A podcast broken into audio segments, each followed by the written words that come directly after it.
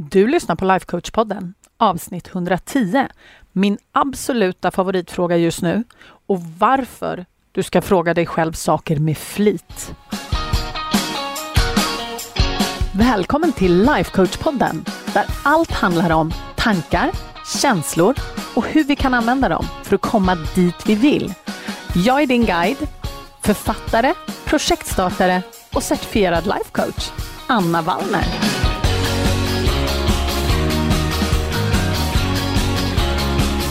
Men hej hallå på er! Hoppas att ni har det superbra och att, jag vet inte, vädret börjar reda ut sig.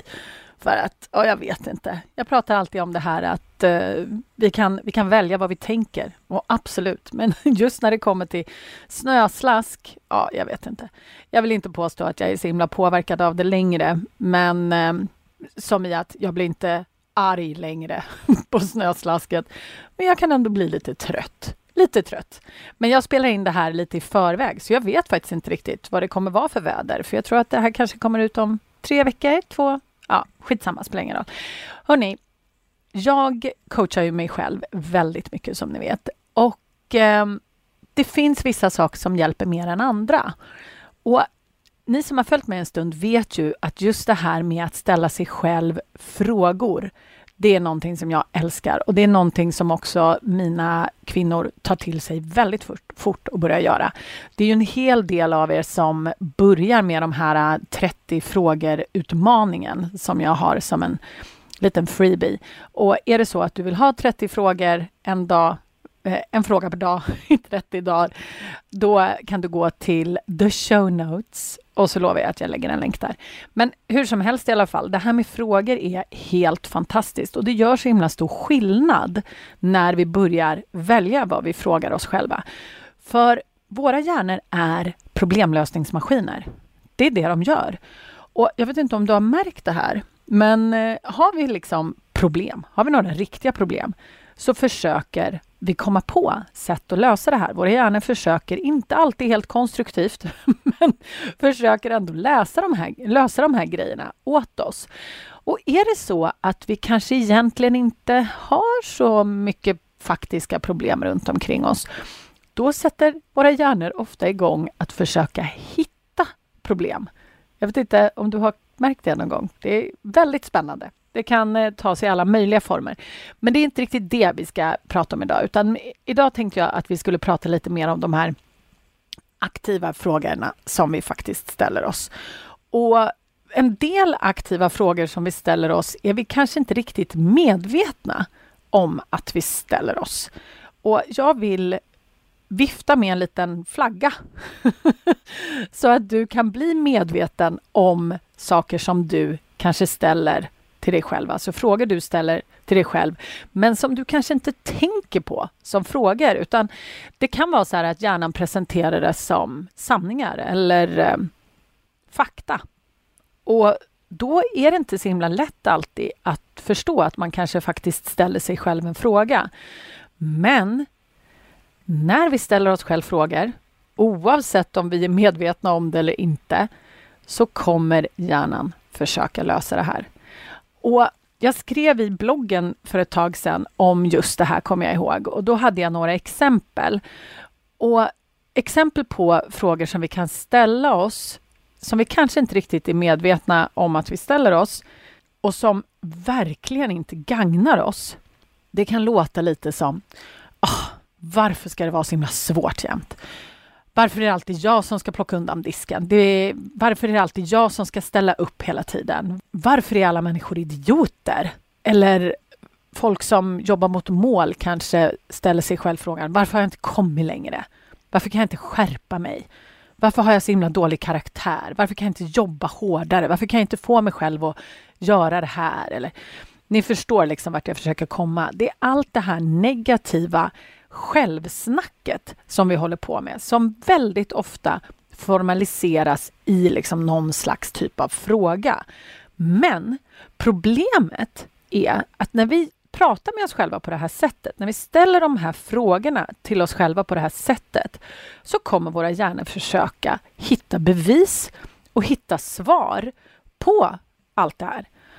Så om vi till exempel tar exemplet då så här. Var, varför ska det vara så himla svårt jämt?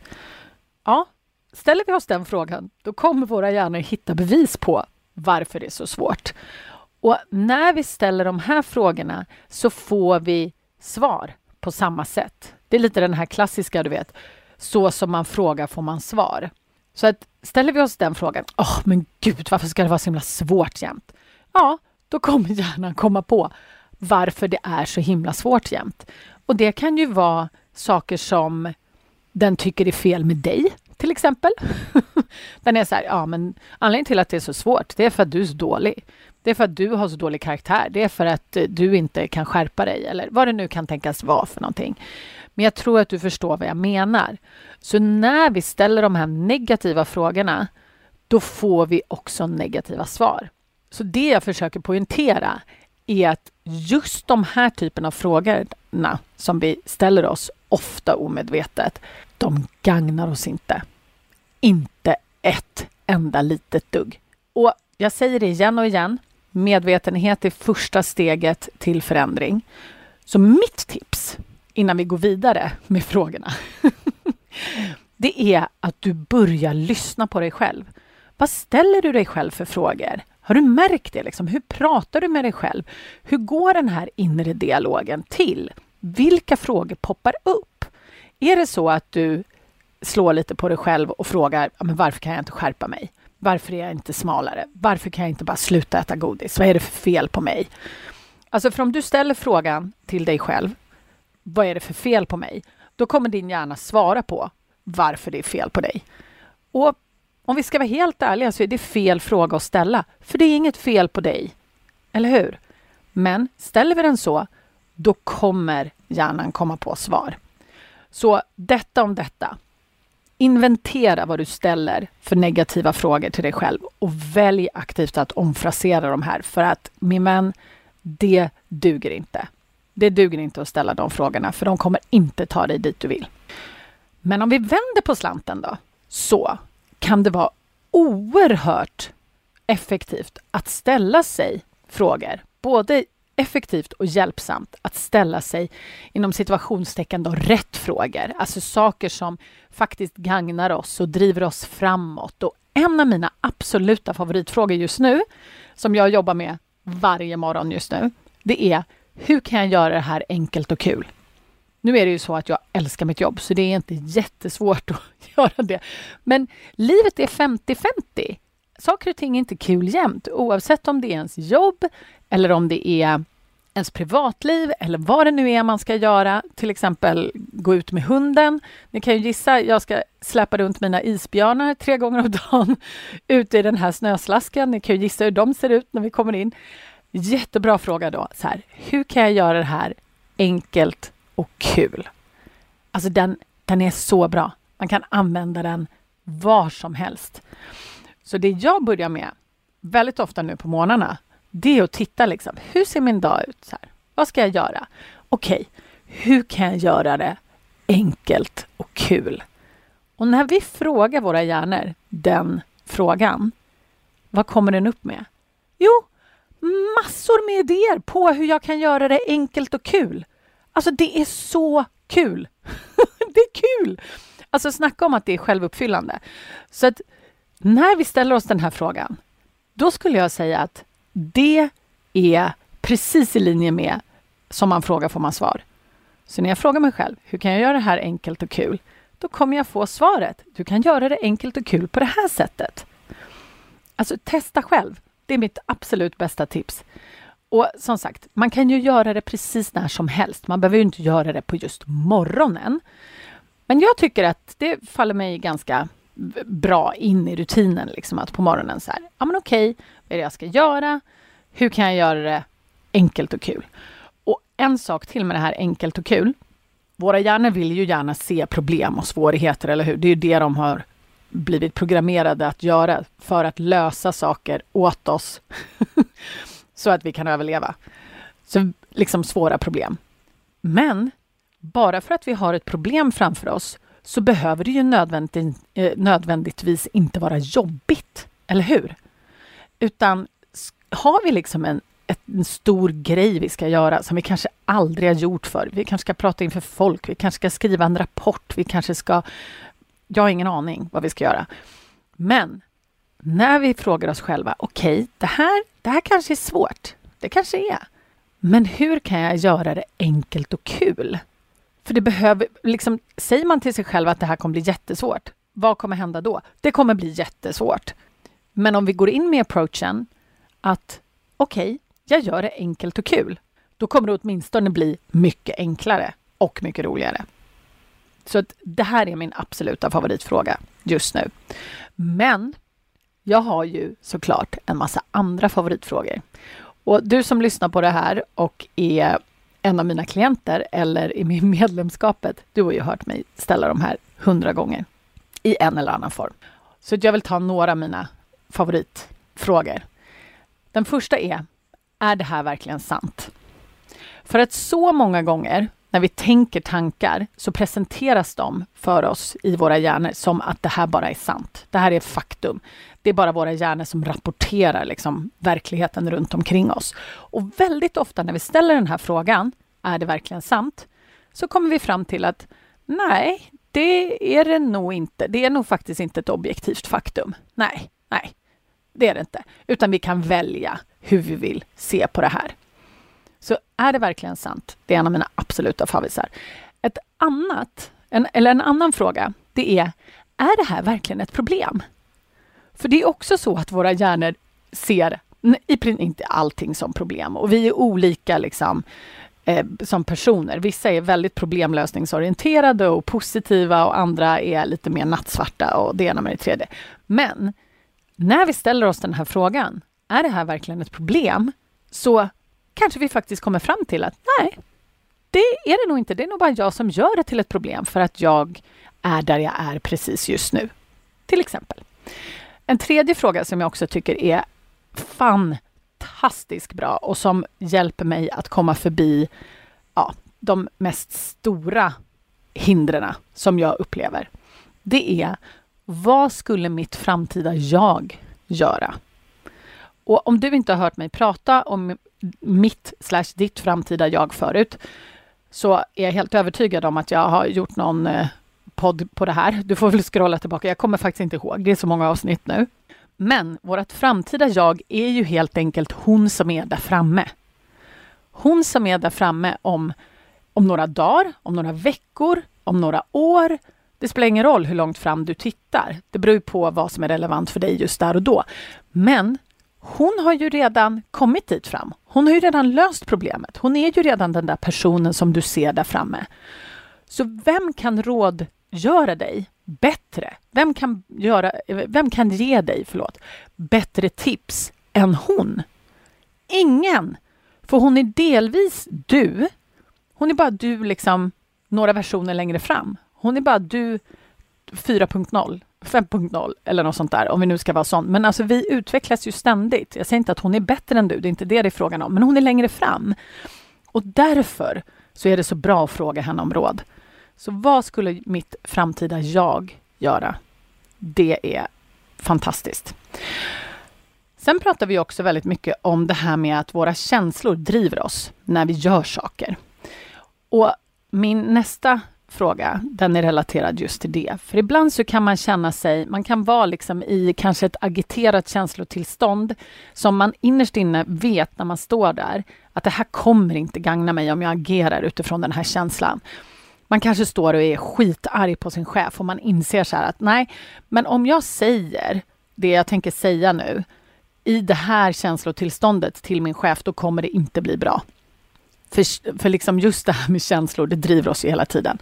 Så då brukar jag fråga mig själv, vad skulle jag göra i det här läget om jag kände kärlek just nu? Vad skulle jag göra om jag kände kärlek just i den här situationen? Och det kan låta jättebanalt, men i min värld och i min känslovärld så är kärlek liksom den ultimata känslan.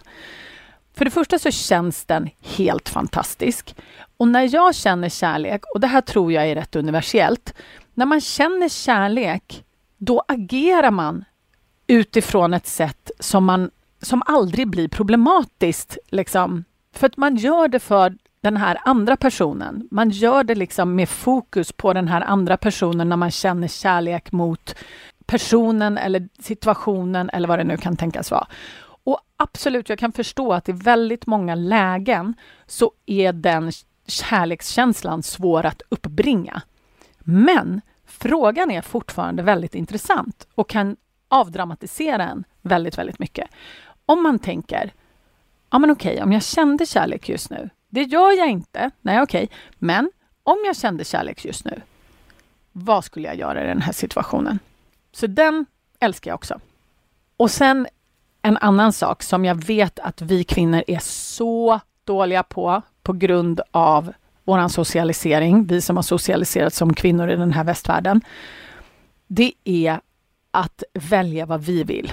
Så ett, en av mina favoritfrågor, även om jag kanske inte i slutändan väljer det som jag innerst inne vill, det är att fråga mig själv, vad vill jag välja just nu?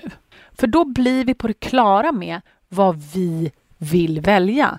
Sen kanske vi väljer att göra på ett annat sätt, men då vet vi åtminstone vad vi skulle välja för våran skull. Och sen så kanske vi av olika anledningar väljer att välja någonting annat. Men just den här medvetenheten om vad vi själva vill och faktiskt fråga oss själva vad vi vill, tycker jag är så himla viktigt.